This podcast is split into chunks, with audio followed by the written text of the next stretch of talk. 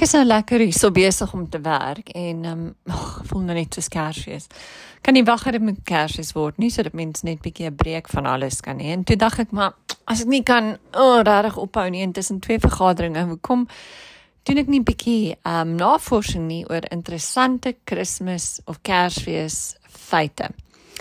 En ek het gekyk na historiese feite oor Kersfees. Nie was 'n hele paar interessante goed wat ek ontdek het. Dis byvoorbeeld Kersfeeskaartjies. So die eerste Kersfeeskaartjies was in 1843 gestuur en nogal um in Engeland. So iemand met die naam van Henry Cole het um hy het gehelp om die poskantoor in Engeland te begin en was ook um die een wat me, al, gewone mense aangemoedig het om briewe te stuur en te pos in die poskantoor te gebruik. En te sy idee um van Kersfees kaartjies was uh, seker dat mense dit kan kan die poskantoor gaan gebruik en ek dink ons almal hou daarvan om 'n Kersfees kaartjie te kry. Selfs in hierdie digitale era is dit maar lekker om iets te kry.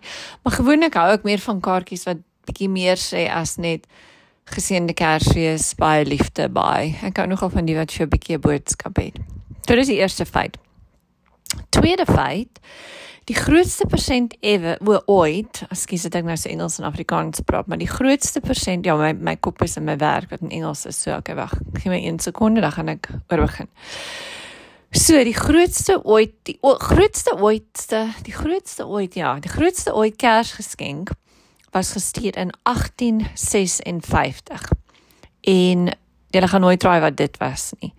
So die grootste geskenk ooit in die geskiedenis was gestuur in 1865 deur Edward de Lupelay en dit was 'n geskenk van Frankryk aan Amerika om ehm um, Frankryk en Amerika se ehm um, ondersteuning vir demokrasie um, daar te stel en ook om die la, die president Abraham Lincoln um, te herken. Hy was toe natuurlik al dood en die grootste persent ek moet net die deur vir my kat oopmaak was die statue Comfort Statue of Liberty. So ehm um, die Statue of Liberty was die persent die grootste persent wat ooit gestuur was en ehm um, dis 'n offisieel in 1886 reg gewees en saamgesit. So dit het 'n hele rukkie geduur en ja, om, ons almal ken die Statue of Liberty. Want wat is die vryheidstandbeeld? Liberty, ja, moet ek dit wees in Afrikaans. So. Nog 'n interessante uh, feit.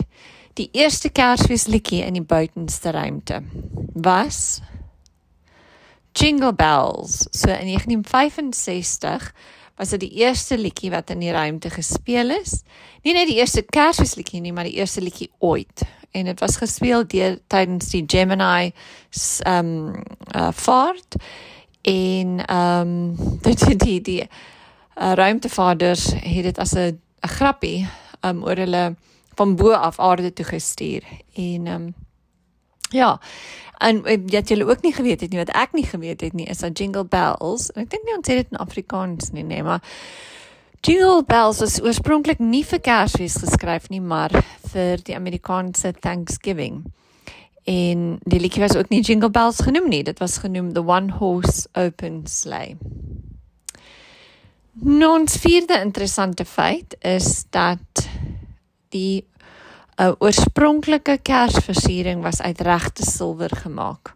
Soos byvoorbeeld die ehm um, dekorasies wêreldwyd, ons almal ken vandag vir tinsel en al die sparkly goedertjies. Maar ehm um, in Duitsland was die eerste Kersbome ehm um, opgemaak baie honderde jare terug, maar omdat dit die silwer so gevuil geword het, ehm um, het ons dit iets ontwikkel en sit ons nou met die moderne um, kleurige plastiek en ander wat ook ligter en um, goedkoper is uh, as om regte metaal te gebruik. Interessante feit. 5 wat ek seker is julle sal weet, maar dit is nogal interessant vir my. Ek dink ek het dit al iewers gehoor die einde van jou Kersfees ete en dan wag almal vir die nagereg. En ons weet dit nog partymal ook 'n silwer uh, munt. Is dit 'n munt? 'n Muntstuk. In die koek gesit word. Maar die Kersfeeskoek was nie altyd 'n vrugtekoek nie. So in die 14de eeu was Kersfees Kersfeespudding gemaak uit 'n tipe pap en dit het um lam en beesvleis met uh, speserye, wyn, rosantjies, korente en so meer ingegaan. En oor die tyd het mense begin om alkohol by te voeg, eiers, gedroogde vrugte totdat ons vandag met ons kersfeespudding is wat um heeltemal soet is, soos julle weet. Nog 'n feit. So um natuurlik was Kersfees oorspronklik 'n um 'n religieuse feesviering van die geboorte van Jesus. Maar is nou so baie deel van ehm um, wat ons sê moderne kultuur dat selfs kulture wat natuurlik nie Christelik is nie, ehm um, dit ook ehm um, vier. Wat wat baie interessant is egter is, het julle geweet dat Santa Claus was nie altyd in rooi aangetrek nie. Dit was ehm um, hy was groen tot Coca-Cola om in die vroeë 1900 in 'n rooi pak gesit om by die Coca-Cola kleure te pas. En sedert 1870 was die um, Amerikaanse um, tekenaar het hom in rooi geteken met 'n bietjie van 'n vetmaag groot, jy weet soos ons hom vandag ken. Maar ek mens kan glad nie voorstel dat Santa Claus nie um rooi is nie. Nou um die oorspronklike Santa Claus is geïnspireer deur die Hollandse Sint Nicholas en Sinterklaas wat ons almal ken. En um, die 6de Desember, ek weet ek toe ek in Oostenryk was, het hulle ook Sint Nicholas dag gehad. Is die dag toe Sint Nicholas dood is en geskenke weggegee word. So ehm um, selfs in Amerika vandag vier veral Duits-Amerikaners ehm um, nog hierdie my dag, maar ek onthou ook in Oostenryk. Volgende feit, en miskien weet julle dit weer, ek het dit nie geweet nie. Um Santa se eie het natuurlik baie belangrike werk, maar hy het sy eie poskode. En um wat wat die Noordpool Kanada was, en so Kanada 'n spesiale poskode geskep vir hom en sy adres is Santa Claus, Santa Claus, North Pole, H O H O ho ho ho Canada. So as mens briewe daartoe stuur, dan ehm um, hopelik gaan Kersvader dit kry. Agste feit is Xmas.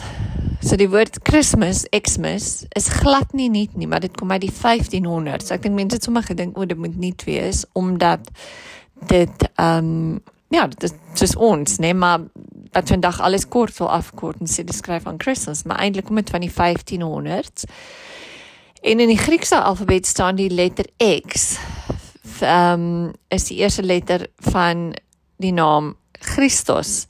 En dis dis hoekom ehm um, die letter X en mis is nou die verkorting van Christmas en letterlik meen dit ehm um, Kersfees. So dis baie interessant.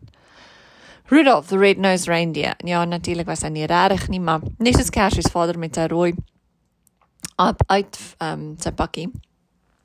Is Rudolph ook geskep as deel van 'n uh, um uh marketing um idee. En die storie van Rudolf is ja, ek weet nie of julle dit ken, maar ons ken dit want hy het mos 'n rooi neus, nee, en so dis dit gaan eintlik daaroor om nie ander te boelie nie. En so dit's rond 1939 is dit gedoen.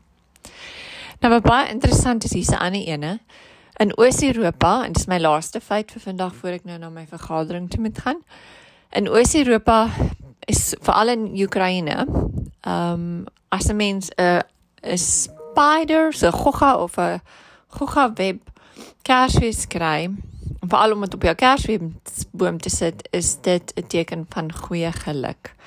So dit is dis nou 'n baie interessante feit. Dit ek gaan gou sien. Julle kan hoor die klokkie lui vir my vergadering wat moet begin gebeur ja, so uh mens sien of daar nog iets anders is, maar ek dink daai was interessant. Veral want ehm um, ja, so ek sal graag wil hoor of enige iemand ehm um, vir ons het. En dan die laaste punt is natuurlik kom ons sien uit na Kersfees en ek hoop dit gaan vir almal net 'n heerlike tyd wees saam met hulle familie.